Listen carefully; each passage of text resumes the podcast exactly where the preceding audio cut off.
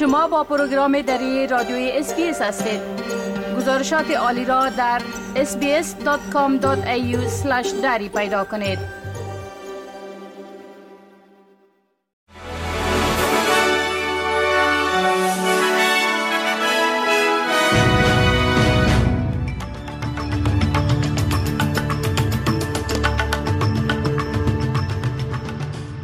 عرض سلام من فضیلت تصمیم شما را به شنیدن مهمترین اخبار امروز 17 اکتبر سال 2023 دعوت می کنم. یک تعداد از پناهندگان این هفته از سراسر استرالیا برای درخواست دائمی ساختن ویزاهای موقتشان به کانبرا سفر کردند. این گروه دوازده هزار نفری پناهجویان امروز در مقابل پارلمان استرالیا در کانبرا تجمع کردند. این گروه پناهجویان به وضعیت موقتشان اعتراض می کنند که به آنها اجازه می دهد کار کنند و مالیات بپردازند اما حق رای دادن یا دسترسی به برخی از خدمات حمایتی را از آنها سلب می کند. این پس از آن است که اندرو گلیز وزیر مهاجرت و کلیر اونیل وزیر امور داخلی استرالیا در اوایل این ماه به تاریخ 5 اکتبر اعلان نمودند که مبلغ 160 میلیون دلار برای رسیدگی به پناهجویان تخصیص داده می شود.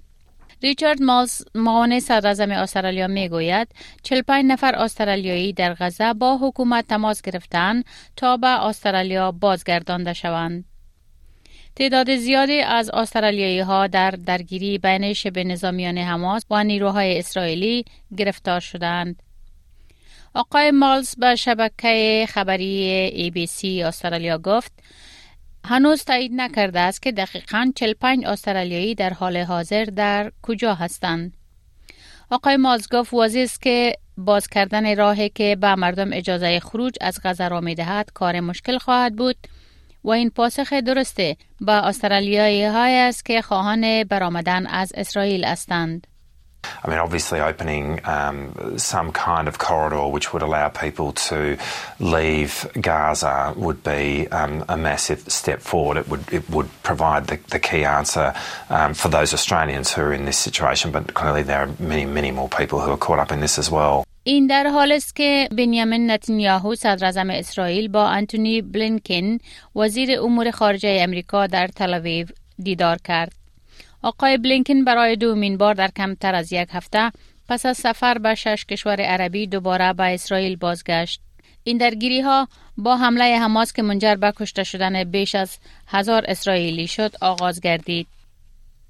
یوواو گالانت وزیر دفاع اسرائیل که در این نشست حضور داشت می گوید این درگیری احتمالا طولانی خواهد بود اما ما برای اسرائیل برای مردم یهود و برای ارزش هایی که هر دو کشور با آن اعتقاد دارند پیروز خواهیم شد.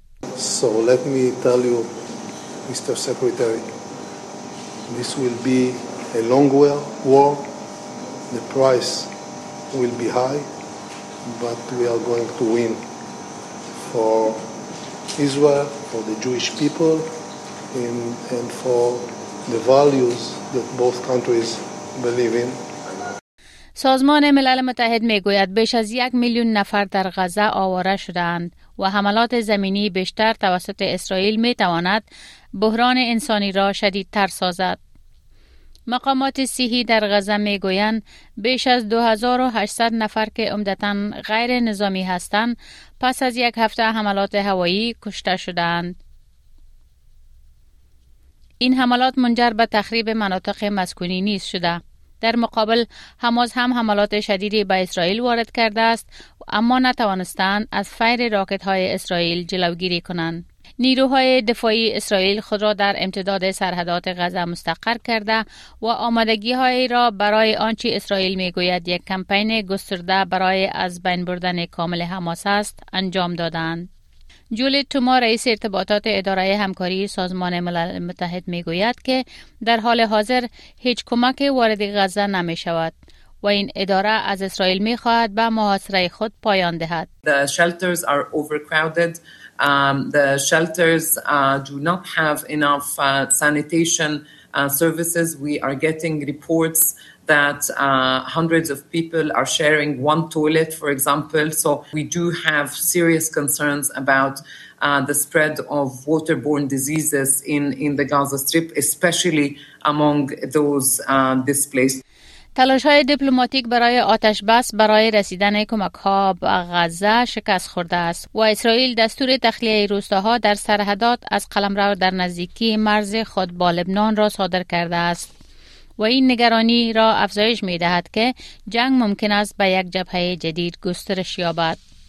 نیروهای نظامی اسرائیل وعده داده است که جنبش حماس را پس از آن که جنگجویان آن در هفته اکتبر از موانع اطراف منطقه محاصره شده عبور کرده و 1300 اسرائیلی را در مرگبارترین روز در تاریخ 75 ساله اسرائیل کشتند نابود کند. نتیجه گیری ها از رایگیری برای رفرندم در اخیر هفته گذشته نشان می دهد که مردمان بومی استرالیا با بیشترین تعداد از تغییر قانون اساسی حمایت می کنند. در مناطق دارای بیشترین تعداد جمعیت مردمان بومی استرالیا از هر ده نفر در حوزه های رایگیری نو نفر از آنها رای بله دادند. و اما در مجموع صرف 40 درصد رای دهندگان استرالیا رای مثبت دادند. سناتور حزب کارگر و معاون وزیر بومیان استرالیا مالندیری مکارتی می گوید حزب کارگر مدت را برای ارزیابی حرکت بعدی خود صرف خواهد کرد و گفت ما به زمان نیاز داریم تا دوباره منسجم شویم برای داشتن این فرصت در هفته های آینده از مناطقی که بیشتر جمعیت مردمان بومی در آن زندگی دارند دیدن خواهیم کرد. ما وقت خود را در این مورد صرف خواهیم کرد و پاسخ خود را در زمان مناسب خواهیم داد. Uh, we do need some time now to regroup. Uh, to actually have the opportunity to, to be with First Nations people over the coming weeks uh, to see where they're at and what they want to do. And uh, we will take our time on this and we will give our response in due course.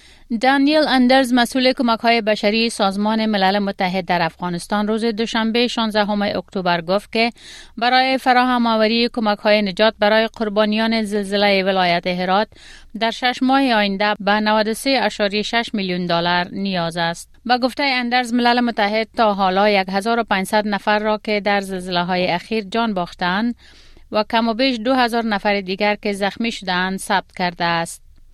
این مقام ملل متحد همچنین گفت که ارزیابی این سازمان نشان می دهد که بیش از 43 هزار افغان در نتیجه زلزله های اخیر در افغانستان متضرر شدند. اندرز گفت که ولسوالی انجیل هرات که جمعیت آن به 23 هزار نفر می رسد بیشترین آسیب را دیدند که 53 درصد آسیب دیدگان زلزله های اخیر ولایت هرات را تشکیل می دهد. علاوه بر آن 3300 خانه از بین رفته و در کنار آسیب به سیستم آبرسانی خرابه های خانه های ویران شده جاهای آب را نیز ملوث می کند که این وضعیت می تواند سبب انتقال امراض شود. با گفته اندرز وضعیت قربانیان زلزله هرات به گونه ای است که سازمان های کمک رسانی باید به زودترین فرصت ممکن کمک هایشان را قبل از فرارسیدن فصل زمستان برای آسیب دیدگان فراهم کنند.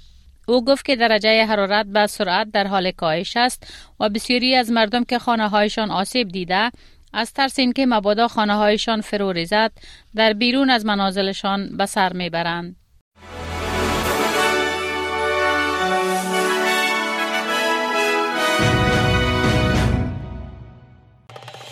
بپسندید، شریک سازید و نظر دهید. اسپیس دری را در فیسبوک تعقیب کنید.